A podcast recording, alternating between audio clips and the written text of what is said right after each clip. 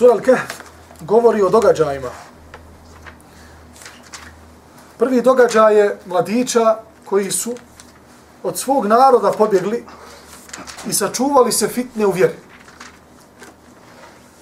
I to je prva stvar i prva poruka koju je Allah u poslanika alaihi salatu wasalam nam ostavio preko sure Kehf kako bi se zaštitili država. Da se sačuvamo fitne u vjeri. Jer kada dođe Dajjal, kada dođe Dajjal, pozivaće u svoju vjeru. Ljudi će mu se odazivati. Pozivaće u svoju vjeru i ljudi će mu se odazivati. Jer će raditi nad naravne stvari. Allah će mu omogućiti da svo zlato i srebro iz zemlje izađe u njegovo vrijeme i da on posjeduje to isto oblaci zlata i srebra će ići za njim. Imaće u svojim rukama šta god želi. Kišo padni, padne. Nemoj past, neka bude suša, neka bude suša. Nema veće fitne ni iskušenja za ovaj umet, niti za čovečanstvo, ni za ljudski rod od tog momenta kada se Dejjal pojavi. I veoma bitno je sačuvati svoju vjeru, kao što su ovi mladići sačuvali. Sačuvali su sa tim što kada su bili slabi, znajući da se muslimani kao muslimani neće moći suprostaviti državu. Allah subhanahu wa ta'ala će pripremiti njemu ubicu koji će specijalno doći da obavi taj zadatak. Ako se može tako reći. Možda ovako nekako čudno rečeno, ali se može ovako reći. Allah je uzdigao Isa, alaih salatu wasalam, na koje nebo braću? Spominjali smo na prošlom predavanju. Na prvom nebu je ko? Adem. Na drugom? Isa, Zakerija i Jahja. Hoćemo dalje ili? Na trećem je Idris. Četvrtom Jusuf, na petom Harun, na šestom Musa, na sedmom Ibrahim. Nasloven na Bejt. Allah će ga spustiti nakon što ga je uzdigao. Nisu ga razapili kršćani, nisu ga ubili. Pričinilo im se. Drugi čovjek je bio. Nakon što ga Allah spusti, imaće zadatak. Spustit će ga na bijelu munaru kod istočnih vrata Damaska. Da ubije Dajjala. To će biti njegov zadatak. Inače mi, muslimani, nećemo ga moći Ibn Sayyad, kada se pojavio dječak koji je svašta nešto govorio u doba Allahov poslanika, ali i salatu salam, ashabi su htjeli da ga ubiju jer su smatrali da je deđal. I židovske porodice, nešto mu se priviđa, viđa nekakve ljude, priča sa njima, govori neke stvari od gajba. Poslanik Ali Salatu Selam je učio u sebi suru Duhan. Kaže mu, kada ga je htio da ispita da li je deđal ili ne, kaže mu, šta vidiš? Kaže, vidim dim. Čudan dječak. Poslanik u sebi ne čuje ovaj suru Duhan. Kaže, šta vidiš? Vidim dim čudno skroz kažu sahabi, hajmo ga držao. Kaže, nećete moći. Pogledajte razumijevanje fik Allahu poslanika, ali salatu sam uvjeri. Veoma bitno je taj način na koji se svi dokazi saberu na jedno mjesto i onda se dođe do, do rezultata, do mesele. Mogu su sahabi reći, neće da prizna Allahu poslanika. Čudno se ponaša. Ima nekakve indicije da je deđal, da mi njega sredimo. Uglavnom, ubiješ, ubiješ ga i šta onda? Kaže Allah poslanik, da je deđal, nećete ga moći ubiti. Jer on ima svog ubicu. To je Isa, alaih salatu salam. A ako ga ubijete, znači nije deđal. Što ste ga ubili? Nema potrebe da ga ubijete.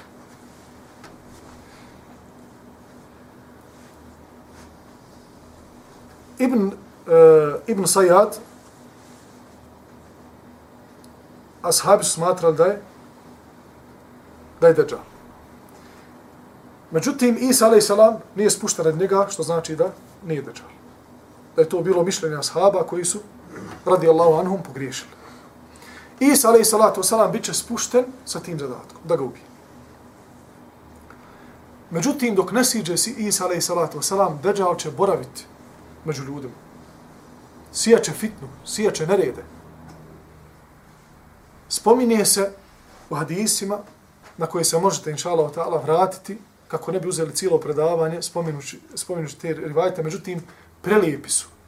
Prelijepi su za čitanje, e, osvježavaju iman čovjeka, pogotovo kada dođe do onog hadisa, onog, onog mladića. Onog mladića koji će doći pred Deđala i reći mu u lice ti si lažac. Subhanallah. Mladić. I onda će Deđal reći, sad ću ti dokazati da sam ja Bog. Pa će ga raspoloviti. Skroz. Od glave dole ove ekstremitete, sve će mu prepoloviti na dva dijela. I reće mu ustan. I on će oživjeti i reće mu šta sad kažeš. Ha? Jer sam sad lažac. Kaže, tako mi Allaha, sad sam se ubijedio da si lažac. Jer me moj poslanik obavijestio o tebi. I o tvom načinu obhođenja i tvojim mogućnostima. Nećemo ništa mu reći. Ali će boraviti određeno vrijeme među ljudima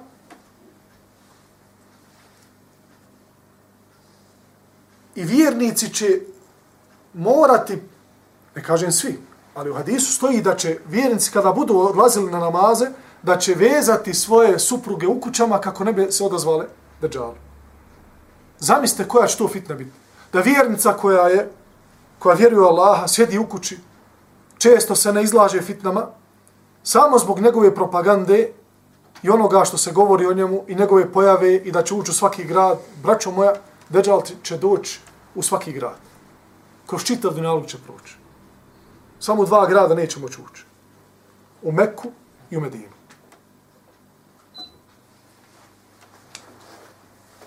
I pozivat će ljude na ono na čemu je. Allah poslanik nam je ostavio na koji način da, vas, da ga se zaštiti.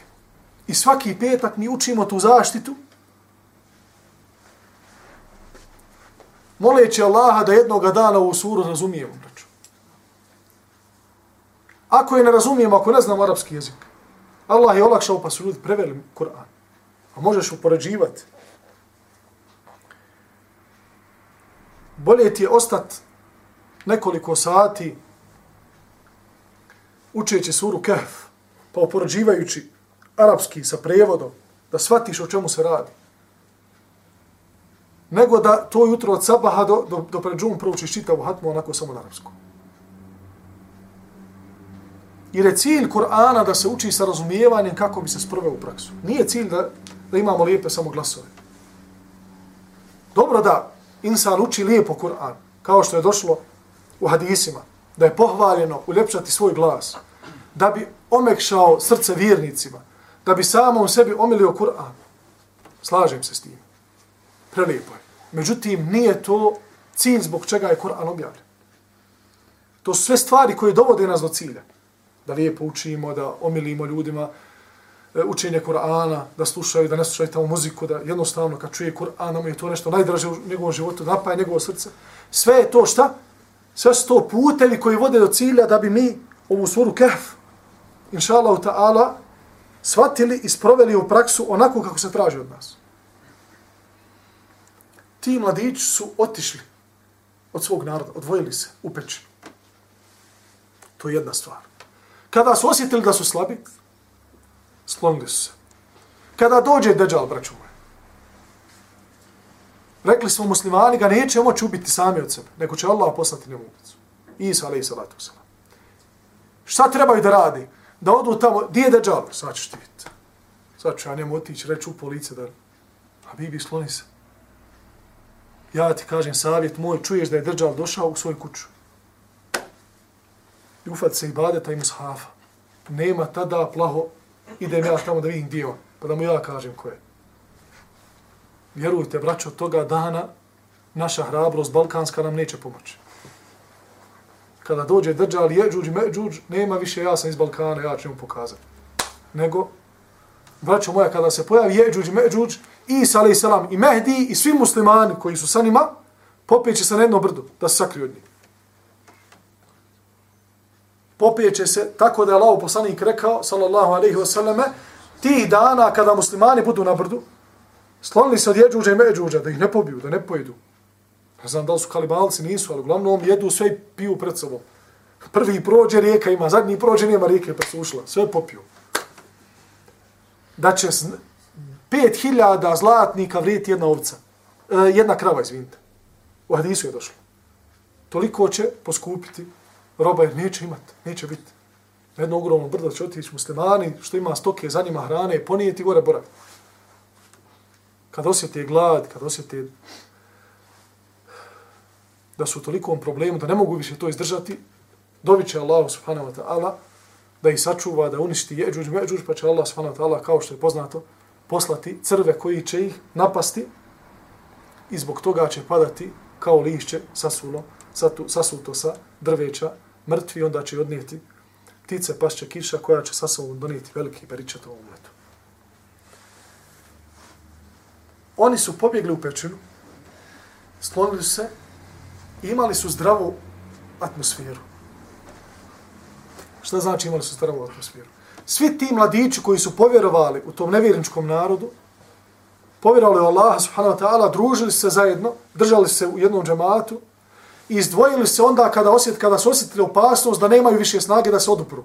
I nemaju više idh qamu fa qalu rabbuna rabbu samavati wal Kada su ustali rekli naš gospodar je gospodar nebesa i zemlje. Len ned'u min dunihi laha nikada nećemo sebi dozvoliti da dovimo nekom mimo Allaha. Uh, čak je ovamo. Kad su osjetili opasnost da bi ih mogli odvratiti od njihove vjere, povukli se u. Sura Kehf nam kaže, kada dođe Dejjal, brate moj, sebe i svoju vjeru uzmi i povuci se. I čuvaj sebe i svoju porodcu u tim momentima. Nemoj se praviti junak pa izaći na, na mejdan da kažeš gdje on, da mu ja pokažem. Skloni se. Također, u tim danima kada dođe Dejjal, veoma bitno je tada, kao i sada, ali tada je veoma bitno, izabrati dobrog prijatelja, koji će te stalno posjećati na ahiret. Kao što su ovi mladići radili. Stalno su jedan drugom posjećali na ahiret, jedan drugom bili na hizmetu. Kada se probudili, gladni, žedni, prašina na njima, izabrali su jednog od njih da se sredi, da siđe u grad, da im donese. Jedan drugom su bili u hizmetu. Nije im bilo teško. Ajde, otiđi, kupi nam, brate, onaj, da se utalimo. Otiđi nam, kupi ručak. A što baš ja moram? Nije to rekao ovaj Ahbab njihov iz Sure Kehf. Otišao u grad po taj zadatak. Što znači da među, između ostalog, pored toga što su pobjegli sa svojom vjerom, sačuvali je jako, nije se miješali sa fitnama, bili su dobri ahbabi, jedni prema drugim. I u osnovi nisu bili pokvar, niti jedan od njih nije bio pokvaren. Zbog toga, vrate moj, Allah subhanahu wa ta'ala kaže, Allahom poslaniku obraća se. Wasbir nafsaka ma'a alladhina yad'una rabbahum bil gadati wal 'ashi yuriduna wajha. Strpi se sa onima koji Allaha subhanahu wa ta'ala zovu i danu i noću. Dovemu. Tjevši time Allahovo lice. Kažu islamski učenjaci. U tefsiru ovoga ajeta, kada se tebi daje savjet da pronađeš dobrog prijatelja, kaže ti se osaburaj sa njim. Jer neminovno, koliki god da ti je ahbab, nešto će izletiti. Ako ne budeš imao, imao sabura i strpljenja svojim prijateljem, izgubit ćeš ga. Sto posto. Jer kad ta će nešto izaći, neka iskra, tamo vamo, ne budeš imao strpljenja. Allah subhanahu wa ta'ala Allahom poslaniku naređuje da se strpi sa onima koji Allaha pozivaju. To jest, ako si, brate, se zbližio, ako se zbližio sa nekim koji je pobožan. Vidiš brata muslimana, međutim, ponekad mu nešto izleti, kaže neku riječ koja, koja te uvrijedi, strpi se radi ovog drugog što on radi. Koje radi stvari? Jed'una rabbahum, rade dobra djela. Dove. Dove je dobro djelo, tako? Jed'una rabbahum bil gadati wal ašiji, dove Allahu i jutrom i večeri. I uridune ođeha imaju drugu osobinu, iskreni su. To što dove, ne dove da neko vidi. Alhamdulillah, Allah. Ko nije vidio od braće? Ovo kaže, jesu ovaj brat, stvarno da ga Allah nagradi. Kao što je se desilo u doba Omer ibn Abdelaziza. Čovjek stalno u prvom safu. Stagfirullah, stagfirullah. Kaže, ja ovoga moram za namjesnika postaviti. Prišao mu kao Omer ibn Abdelaziz. Kaže, ljudino, onaj, moram ti nešto reći. Reci, ja sam te, kaže, danas postavio za namjesnika. U tom i tom vilajetu. Kaže, što? Pa kaže, viđam te stalno, pobožan skrušen, zikriš, kaže, i postim danas, zapostio sam. Kaže, ja sam te ovog trenutka razdužio dužnosti. Znači, ovog trenutka si prestao biti moj namjesnik.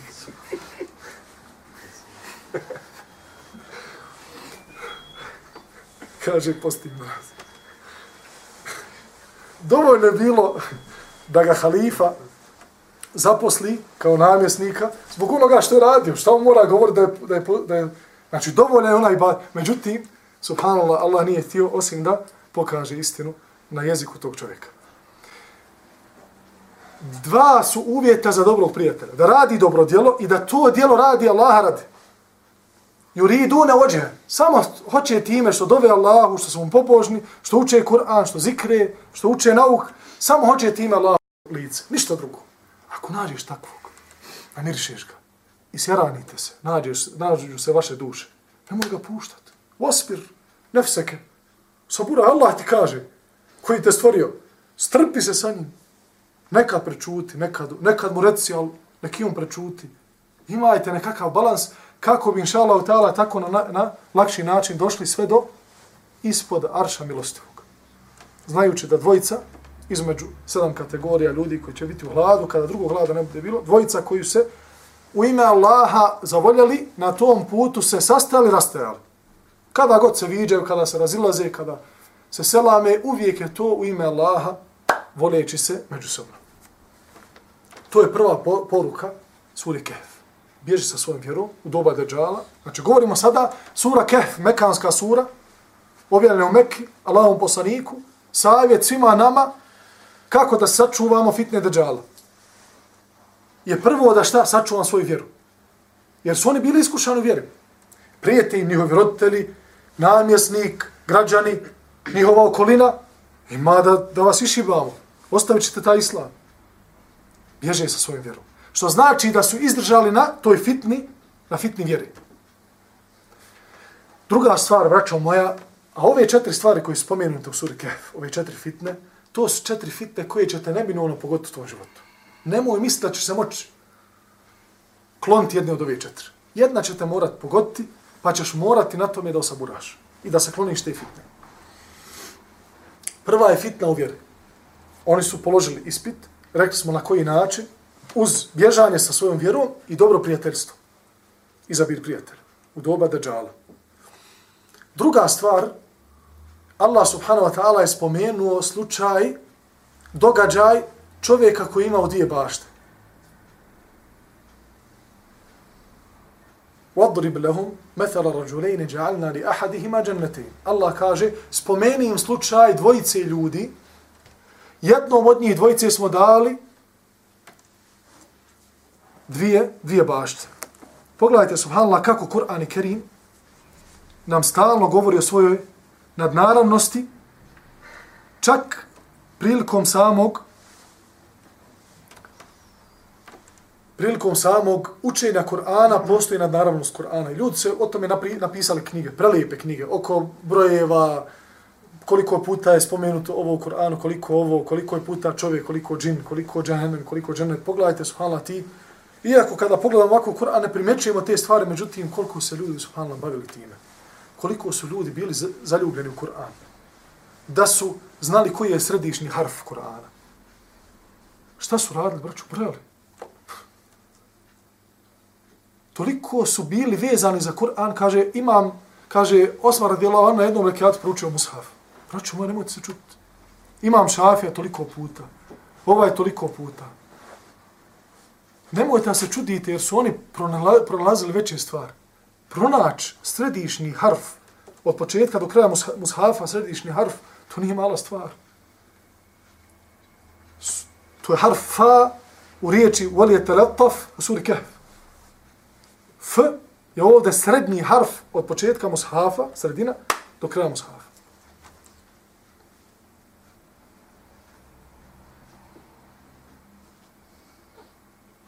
Također, dva kuranska ajta, وَضْرِبْ لَهُمْ مَثَلَ رَجُلَيْنِ جَعَلْنَا لِأَحَدِهِمَا جَنَّتِينِ Kada izbrojite riječi koje spomenete u ovom kuranskom ajetu, وَجَعَلْنَا بَيْنَهُمَا زَرْعَ تِلْكَ الْجَنَّتَيْنِ آتَتْ أُكُلَ وَلَمْ تَظْلِ مِنْهُ شَيْئًا وَفَجَّرْنَا خِلَالَهُمَا نَهَرًا Subhanallah, kada brojite riječi, vidjet ćete da ima 25 riječi u ova dva ajeta.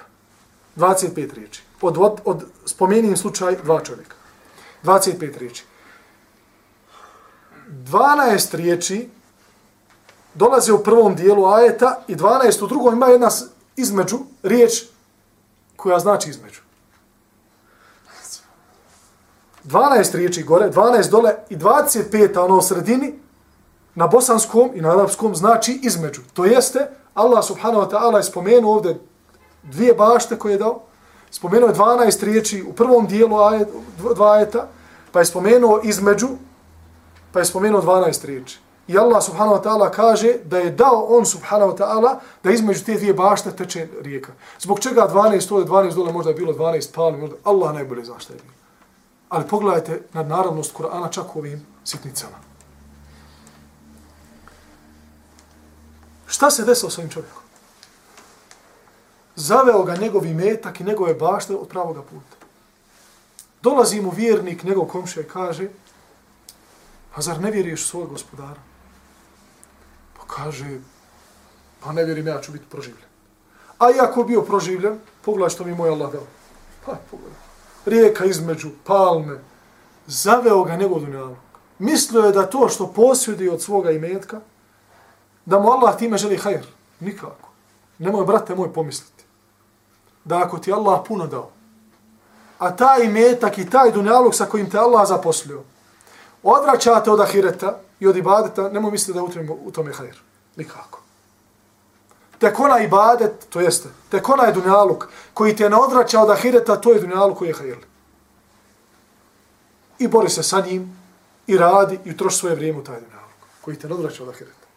I nemoj nikako pomisliti, brate moj, i ovo je važnije još, da ako ti Allah nije dao, i ako te iskušao sa siromaštvom, i ako te iskušao sa nekom bolešću, ako te iskušao sa bilo kojim iskušenjem od kojeg osjećaš ti skopu svojim prsima, znaj da ako to siromaštvo i taj problem i to iskušenje nisu te odvratili od ahireta, i od namaza, i od zikra, i od lijepog mišljenja od Allahu, znaj da je u tom je hajr. Allaham je hajr. I nemoj sebi dozvoliti ni trun šanse da pomisliš da te Allah zbog toga ne voli. Nikako. Nije dao boljima od tebi. Nije dao ni Muhammedu sallallahu alaihi sallam. Pa po dva mjeseca, kao što je došlo u hadisu Aiše, nije se vidjela vatra da se zapala iz kuće poslanika alaihi sallatu Ahmed ibn Hanbel, čovjek koji je na bedenima Islama stajao vrijeme kada je trebalo jaka komponenta Islama da padne u vodu. To jeste da je Kur'an vječni Allahov govora, da nije stvoren. Pa je bio u zatvor koliko godina koliko je puta izbičovan javno pred ljudima, osramoćen. Koliko nije imao do te mjere, braćo moja, da se halifa jednom smilovao njemu, rastužio mu se srce, poslao mu puno kesu zlatnika. Ma daj više, se taj čovjek najedi. Ahmed ibn Hanbel, braćo, kada se opisuje sud, bio je čovjek mršav, sla, slabunjav ovako tjelesno. Nije bio jak. Prije Ibn Taymije se spominje da je bio plečat, da je bio jak čovjek. Dok Ahmed Hanbel se ne spominje kao takav došao i zaslanik, nosi mu kesu novaca. Kaže, ovo ti halifa šalje hedija, brate, naloži, kupi drva svojoj poroci, uzmi hljeba, brate. Što izglednuješ? Braćo, ovo vam sve govorim da vam kažem da nije da nije dokaz da te Allah je ostavio i da te ne voli ako nemaš. U većini slučajeva je nasuprot, rekao sam, ako te tvoje siromaštvo i tvoji problemi u životu ne odvraća od ibada, znaje da, da si na hajru i znaje da te Allah voli.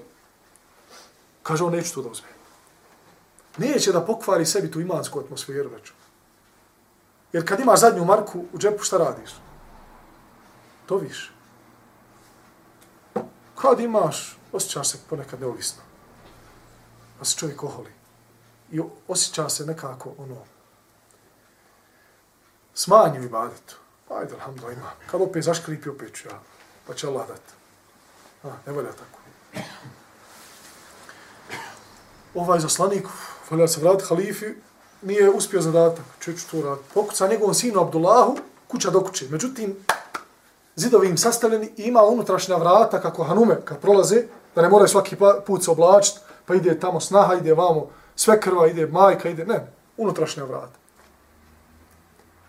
pokucu na vrata, Abdullahu, sinu, Ahmeda, kaže, salam alaikum, alaik, salam, halifa poslu hediju, ona, za tvog babu, hoćeš ti uzeti?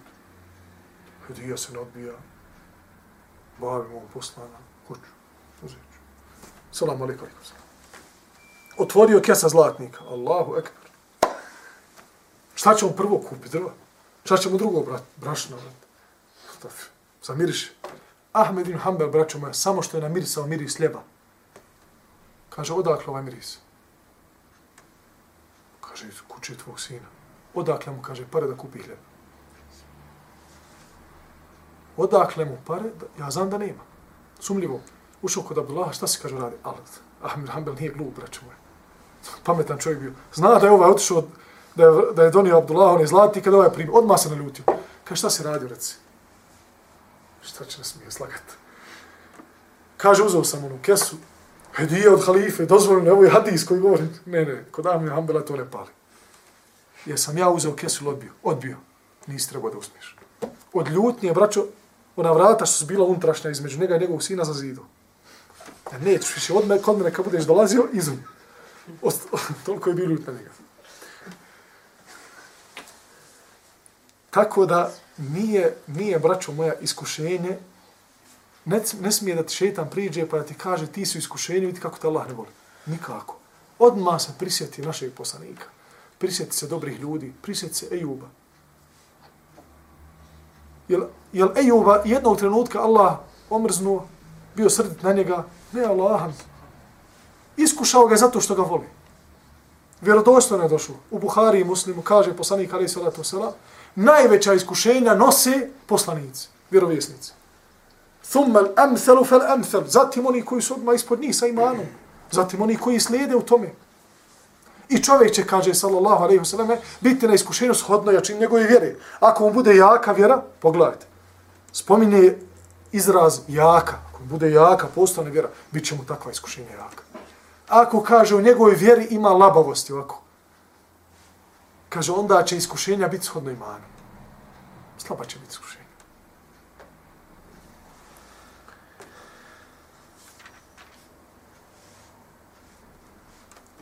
Ovaj događaj nam hoće da kaže kad dođe Deđal, nemoj se slučajno obazirati na ono što on ima od imetka, pa da uzmeš nešto od toga.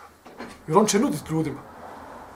Zbog čega će on, braćo moja, imati za sobom oblake zlata i srebra, i nakita, i dragulja, i svega što mu je dato. Zbog čega? Da ostavi sa sobom nebo. On će to koristiti da poziva svoj vjeru. Je tako? Brate, Muhammede,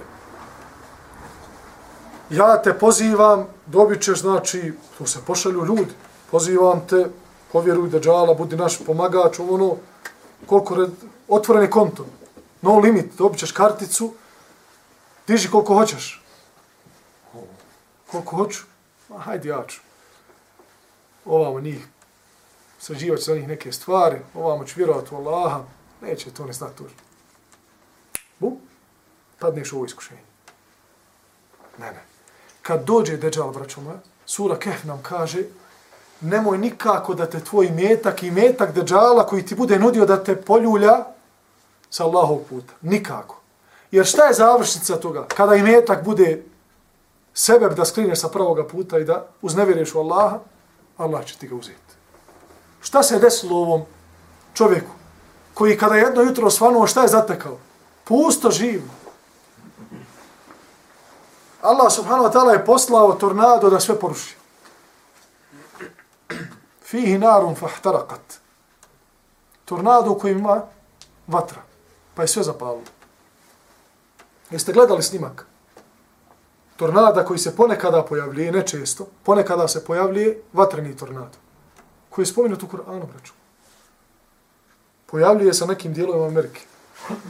Ne da je uzeo vatru, ne, nego u njemu ima vatra i gdje i šta god zahvati, pored toga što odnese, što razvali, zapali. O tome Kur'an govori.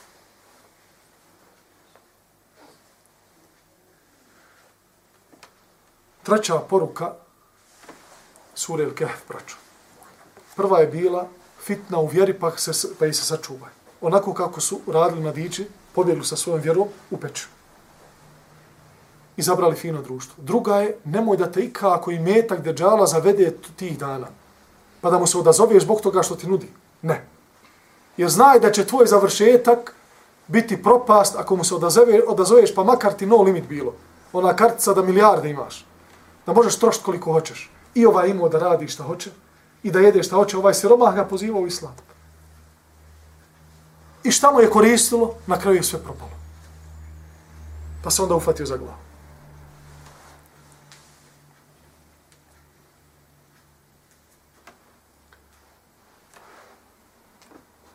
Treći događaj, braćo, je fitna u znanju. Isticanju znanja. Znajući da je Allah spomenuo sura Al-Kahf, slučaj Musa i Hedra. Brate moj, ako hoćeš da stičeš znanje, moraš se poniziti. Ako se ne poniziš pred onim ko ti daje znanje, nećeš znanje uzeti. Ili ti ga on neće dat, ili ti ga on neće dat, ili ti Allah neće dat beričeta u tom sticanju znanja. Pa ćeš ti jednoga dana ustati sa dersa i reći, meni ovo ne treba. I otići sa međlisa i ne do Allah time zaključat sebi mnoga vrata hajra. Koliko god, brate moj, imao znanja, znaj da je vrijedno kada čuješ da se negdje govori o istini, da se stiče za nje, da je vrijedno uzeti obući cipele i krenuti tim putem. Kao što je Musa uradio. Alihi salatu wasalam. Iako je bio Allahov poslanik, iako je smatrao sebe najučenijim čovjekom pod nebeskim svodom. Kažem, Allah ima jedan učenik. Dobro. Ima jedan. Halo, stali nisu. Ne. Musa nije zadovoljan sa tim. Ako ima neko učeni od mene, ide. Idem da ga slušam. Brate moj, to je kada polaziš tražiti znanje kada dolaziš da tražiš znanje da budeš ponizan. Međutim, tokom traženja znanja, ako ne budeš imao drugu osobinu o kojoj je Musa i, i, i Hadr cijelo vrijeme imali diskusiju, a to je strpljivost, nećeš zdržati. وَكَيْفَ تَصْبِرُ عَلَى مَا لَمْ تُحِدْ بِهِ Kako ćeš se strpiti na onom o čemu ti ništa ne znaš? Kako ćeš? Pita ga. Kale se te džiduni, inša Allahu, sabiran, wala asi leke amra. Kaže mu Musa, ja ti garantujem da ćeš vidjeti da ću ja biti strpljiv i nikada ti neću kontrirati. I ova etika između Musa i Hidra, Allaha minoj se može govoriti ne na jednom predavanju, na više predavanja. Lepota etike, izražavanja i odnosa između Musa i Hidra, to je umjetnost. I zaista određene stvari u islamu traže da budeš umjetnik u njima. Nemojte me pogrešno shvatiti, kao što traži se od čovjeka da bude romantičan prema svojoj supruzi, tako se ponekada i u čestim slučajima traži od njega da bude ponizan i fin i blag i da bira riječi kada se obraća svome šehu. To je tako. Ako se pokose ti sunneti, i ta etika koja se dešava između, onda će se pobrkati odnos. Pobrkat će se odnos. Neće ustrajati. Sto posto. Jer ako učiš kod nekoga, šejh je šejh, učenik je učenik. Nikada se ne može u tom slučaju nešto desiti, pa da se to okreni. I ako se pokuša okrenuti, pa ga ti ispraviš u nečemu, dokažemo da onda kada ga ispravljaš da si dalje njegov učenik. Vrlo bitna stvar. Ovo vam govorim kao iskustvo. Jer ja i dalje tražim znanje, i dalje ne smatram sebe da sam ja učen, nego, nego smatram sebe da me Allah upiše među onih koji traže znanje. Pa da ne budemo od onog dijela Dunjaluka koji je proklet. Znajući da je poslanik rekao, Dunjaluk je proklet i sve što je na njemu, sem zikru Allahovog zikra, onoga koji traži znanje i onoga koji podučava ljude.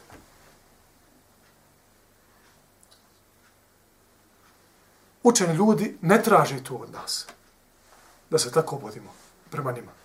Međutim, to je sunnet koji ne samo da je da živi u ovom umetu i u prijašnjim umetima. Pogledajte etiku između Musa i Hidra. Znači da etika tog odnosa šeha i učenika živi od, od davnina.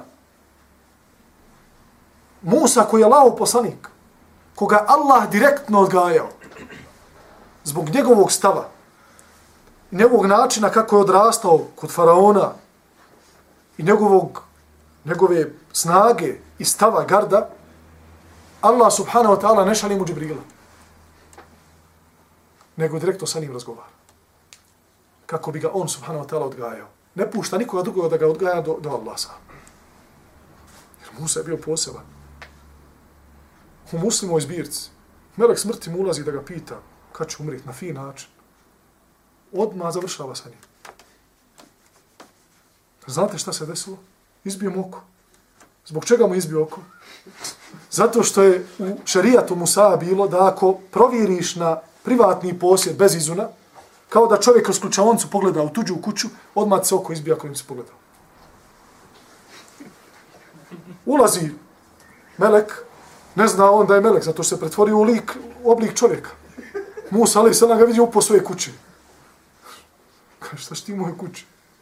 Desnica, nokaut, odmah oko. Vjerodostan hadis. Ta isti Musa, ta isti Musa, kada je saznao da ima neko učeni od njega, odmah se spušta sa, sa tog položaja, da je on poslanik, da on vazi ljudima, da postoji kod njega etika, ja sam učenik. Dolazi mu i kaže mu, da li bi htio da me podučiš onome što znaš? Pita ga. Ne kaže mu, ja sam Musa, znaš Musa ibn Imrana? Ja sam taj. Razgovarao sam sa svojim gospodarom. Smatriš da sam ja najučeniji? Pa mi objavio da si ti učeni od mene. E, hajde da vidim šta to ima kod te. Znači, taj njegov gard, Musa, i ta njegova snaga, da, na primjer, kamen koji desetine ljudi podignu i spuste na bunar, kako ne bi tokom noći zvijer dolazile, kako ne bi ovo ili ono, onim djevojkama što, što, je, što je napojio, sam uzme i digne. Čovjeka šakom otvorenom pukne, um, ubije ga odmah.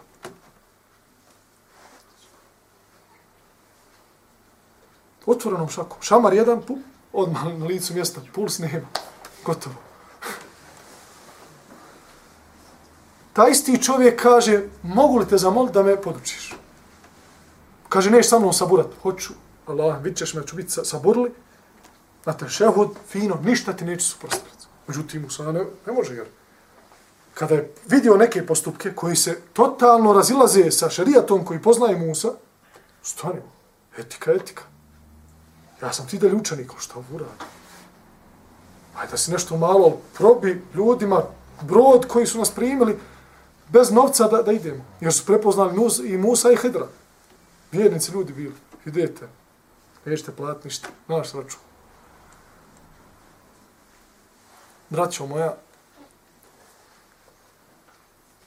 i te kako čovjek se može ufitniti sa znanjem. Zbog toga Allah kaže وَأَضَلَّهُ اللَّهُ عَلَى عِلْمِ I Allah ga je u zabludu, u zabludi ostavio na znanju koji ima.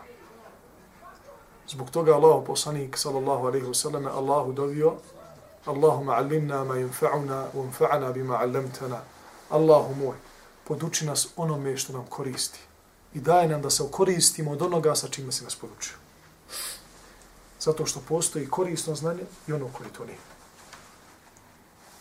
Zbog toga, brate moj, pripremi se za vrijeme koje dolazi, pripremi se za prokletog deđala sa ispravnim znanjem i sa znanjem koji koristi. I znaj da i tada i prije, da nećeš moći stići znanje, sticati znanje ako ne budeš bio ponizan i ako ne budeš bio strpljiv. I vjerujte da najpreći ljudi koji će se tog i tih dana kada se pojavi deđal, najpreći i najbrže će se odazvati njemu oni koji ne dolazi na ovakva sjela. Ne kažem samo kod mene ili kod nekog drugog daje, ali koji ne uče znanje i koji ne postiču sebe kroz ovakva sjela i ovakve darsove, ne postiču svoj iman i svoje srce da radi za Allaha, da živi za Allaha, da njegovo srce kuca za Allaha, taj će se najbrže odazvati. Prva vijest kad dođe, dolazi držal, obuče kapu, cipele, ode ja. Gdje ćeš? Odo, kaže, gdje svi Turci tu imali moja. Oni koji budu oko halki, koji budu oko znanja, oko učenih ljudi, ti dana će se raspitivati, kao što se raspituju o svojoj vjeri. Pa će biti upozoreni na tu fitnu i bit će inša Allah im dosta lakše da se sačuvaju fitne držala kao više od onih koji to nisu i koji ne pristuju na halkama i na dersovima.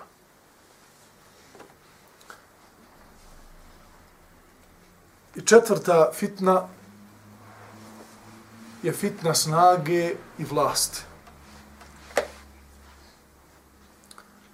Znajući da će doći Dejjal, u vremenu kada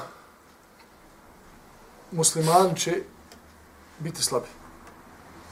Kada neće biti neko adekvatan ko će stati u lice Dejjalu i boriti se protiv njega. Zbog toga, brate moj, znaj da ako uzmeš na sebe emanet i ako ti Allah dao snagu, da li snagu razuma ili tijela, pa se prihvatiš emaneta, daj mu njegovo pravo,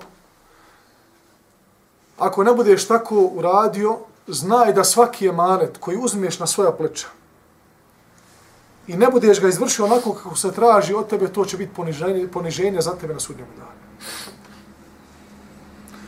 Jer kada je Ebu Zer radijallahu anhu tražio vilajet od poslanika alaih salatu wasalam, rekao mu je, o Ebu Zerre, ti si slab čovjek. Šta znači slab čovjek? Ne slabog imana. Braćo moje, Ebu Zer radijallahu anhu, el Gifari, kada bi spominjao hadis koji je poznat, ja ibadi inni haramtu zulma ala nefsi, to je taj hadis prenosi taj ashab. I on se je dičio tokom svoga života i boravka nakon poslanikove, ali i salatu wasalam, smrti u Damasku, dičio se tim hadisom. Da ga je čuo da Allahu poslanika. Ali ne bi ga citirao, braćo, dok ne bio pod abdestom, dok ne bi sjeo na teševudi, i treso bi se kad bi ga citirao. Od čeka? Od bogobojaznosti. Ebu Zer je imao jak iman, ali nije dovoljno jak, jak iman da bi čovjek ponio ponekada neke manete. Zbog toga su islamski učenjaci rekli, preče je dat, preče je dat vlast čovjeku koji ima kod sebe griha. Vidiš ga ponekada, ali ima snagu. Kada kaže, zadrma sve. Ima određene grijehe, može se u jedinim, pojedinim uh, njegovim postupcima reći da je fasik. Međutim, u odlukama, u, njegovom, u njegovim stavovima, osjeti se snaga i ljudi ga slušaju. Bolje je tako dati emanet vođenja države nego vjerniku koji ne silazi sa noćnog namaza. Kome su suze napravile dvije brazde ovde, ali nema snage. On kad izađe na TV, ne zna, ne može da se snađe. Nema ono, ono, one snage da kaže ovako je donijela odluku država i mi ćemo se ovako. Jer danas, braćo moja države, i uvijek je to tako bilo ali danas pogotovo.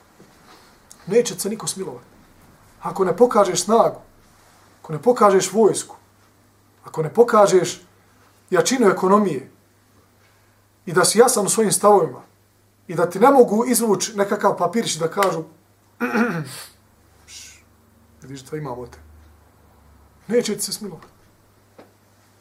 Ove svjetske snage i unije, neće se niko smijeti. Poješćete za jednu noć. Raščarupat ćete Allaha mi ko hijene. Jer oni na pošten način te ubiju.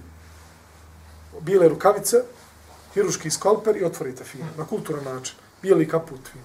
Kakva je razlika između onoga ko ubije krvnički na putu, crnoj dukserici, u crnom fantomci, izbodete, ostavite na police i onaj koji tu radi u, u kaputu, fino stavi onu masku, izdržite ovako, ostavite i skrvariš ali moj rukavice, fino, kulturno. E tako oni ponekada te neke unije države, koji za sebe kažu da su mirovnjaci, da oni dolaze da, da pomire, da oni šire mir po svijetu i vidimo kako rade invaziju na razne muslimanske države i zemlje i ubijaju nedužnu djecu i ljude i starce i žene i kradu imovine ljudi. Vidimo da to rade poput onog hirurga koji te ostavlja da iskrvariš. Ništa drugo. Allah subhanahu wa ta'ala je dao dhul karneinu, koji je spomenut u ovoj suri, dao mu je snagu, dao mu je vlast i dao mu je načine na koje će vladat. Sredstva o kojima Allah subhanahu wa ta'ala kaže. I otišao istočno i zapadno. Cijeli dunjaluk je prešao. Kada je došao do naroda nevjerničkog, قلنا يا ذا القرنين إما أن تعذب وإما أن تتخذ فيهم حسنا الله ga stavlja na ispit. Znaj, brate moj, kad dobiješ emane, da ćeš biti ispitan. Stavit ćeš, bit ćeš stavljen na kušnju. Kažemo Allah, o dhul karninu, Ako hoćeš, ili ih kazni, ili fino sa njima postupi. قال أما من ظلم فسوف نعذبه ثم يرد إلى ربه فيعذبه عذابا نكرا kaže nasilnike ćemo kazniti. Zulkarnin tako radi. Nasilnike ćemo kazniti. Pa će ti isti nasilnice vrati svome gospodaru pa će doživiti tamo još veću kaznu. وأما من آمن وعمل صالحا فله جزاء جزاء الحسنى وسنقول له من أمرنا يسرا A onaj koji vjeruje i radi dobra djela, mi ćemo ga lijep, na lijep način ćemo postupati sami. Nećemo mu činiti nepravdu. Nećemo iz, zbog određenih razloga činiti mu zulum ili prema njemu se obhoditi zbog toga i toga, jer kad ja nisam bio halifa, kad nisam imao vlast, kad bi nije bilo dato da sam predsjednik opštine, imali smo mi u osnovnoj školi nekakav, nekakvu debatu ili mi je klempu, sad sam ja, sad ću ja. Ne, ne, ne. Zulkarin tako ne postupa. Zbog toga ga Allah subhanahu wa ta'ala spomenuo u suri Kehf. Poslanik alaih salatu wasalam nam ostaju vasijetu da jedno ovo od, od načina na koji ćemo sačuvati držala, da budemo pravedni. Da budemo pravedni. Pa će nas Allah subhanahu wa ta'ala postupati sa nama onako kako mi postupamo prema drugima. I fa'al ma ši't kema tadinu tudab, kaže Allah poslanik alaih salatu wasalam. Radi šta hoćeš, onako kako budeš se ti obhodio prema ljudima, tako će biti obhođeno prema tebi. Pravedan? Pravedno. Nepravedan? Nepravedno. Grub? Grubo. Blag? Blago. I to je sunnetullahi life al-art. To je Allahov sunnet na zemlji. Njegov zakon. Ne mijenja se nikada.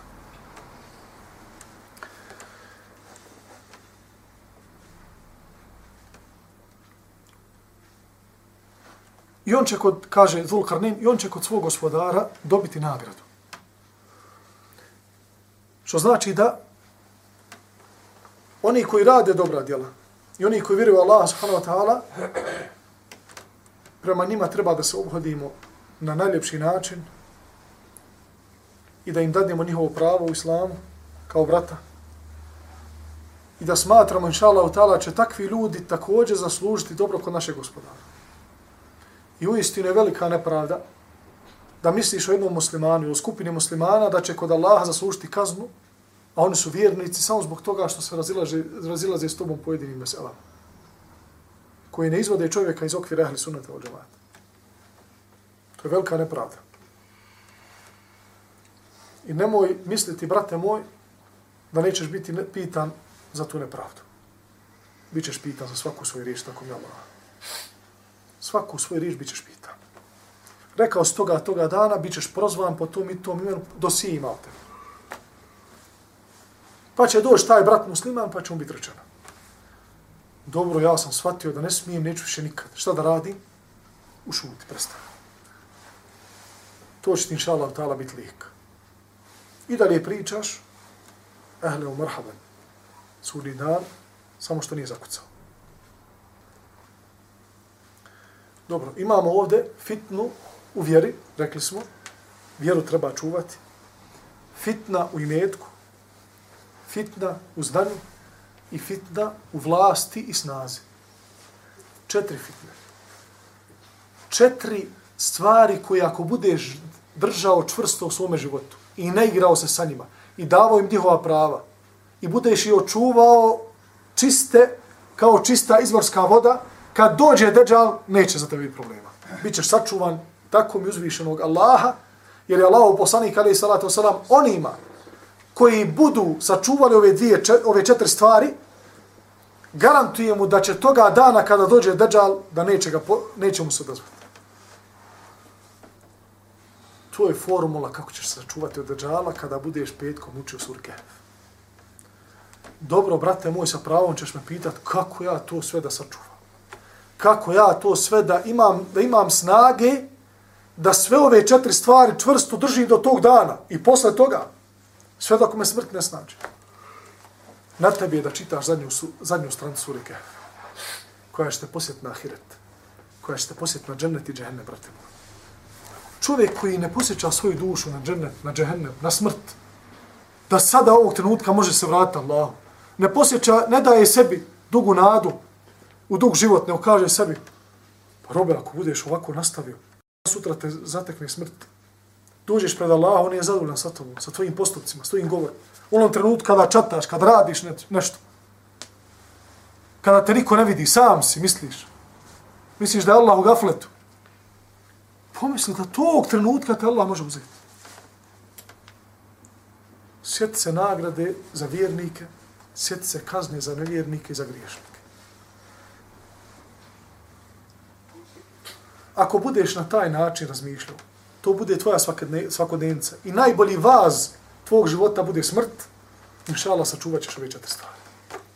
Tad ti neće biti teško da ih sačuvaš, jer ćeš biti svjestan svoje budućnosti, jer je istinska budućnost na ahiretu, a nije budućnost završavanje, završavanje srednje škole, pa budućnost završavanje fakulteta, pa budućnost ženitbe, pa budućnost dobijanja djece, pa budućnost penzije. Koliko to budućnosti onda ima? Pa nema samo jedna budućnost. To ono što te čeka. Šta je to? To je tvoj ahiret, brate Istinska budućnost je tvoj ahiret. A sve ovo što između dođe kad tad. A pretežno ljudi, ili često, ili neki ponekada, ostave onu svoju pravu budućnost zbog ovih malih sitnica koje se dešavaju tokom života neminovno. I smatraju to da je to njihova budućnost. Moja budućnost da se zaposlim. I na tom putu sve radi. Ma ne interesuje me, kaže, radi u mesari, krmace, ma krmace, samo dajem 500 maraka. Gdje si navalio, ček, kaže, to je moja budućnost, se moram zaposliti. Pod svaku cijenu? Pod bilo koju? Ne. Jer moraš razmišljati o svojoj budućnosti koja te neminovno čeka. A to je neudu bila ili u džehennem zbog neposlušnosti, nepokornosti, ili uz Allahovu pomoć u džennet. Zbog toga ova zadnja stranca o tome govori, braću. Da nam dadne postrek i snagu kada zatvorimo petkom suru kef. Završimo je. قل إنما أنا بشر مثلكم يوحى إلي أنما إلهكم إله واحد فمن كان يرجو لقاء ربي فليعمل عملا صالحا ولا يشرك بعبادة ربي أحدا Prelijepa aj. Reci, ja sam čovjek, jedan od vas. Objavljeno, objavljeno mi je da je vaš Bog jedan Bog. Samo Allah, jedan. Mimo njega niko nema. Faman kana yarju liqa'a rabbih, ona ko se nada susretu, lijepom susretu sa Allahom, ko kaže sebi, ja ću sačuvati ove četiri stvari. Posjetio sam sebe i na smrt, i na ahiret, i na džennet, i na džehennem, Sad ću da ustrajimo za Allahovu pomoć. Neka zna da treba da radi dobra djela. Fel ja'mel amelan saliha, neka radi dobra djela. Wala yushrik bi ibadati rabbih ahada I neka svoje nijetove ispravi. Neka u njegovom nijetu niko ne ima mimo Allaha. Dobra djela i nijet. I to su dva uslova za primanje dobrih djela kod Allaha te baraka wa ta'ala. أقول قولي هذا وأستغفر الله لي ولكم سبحانك اللهم بحمدك أشهد أن لا إله إلا أنت أستغفرك وأتوب إليك الله صلى الله عليه وسلم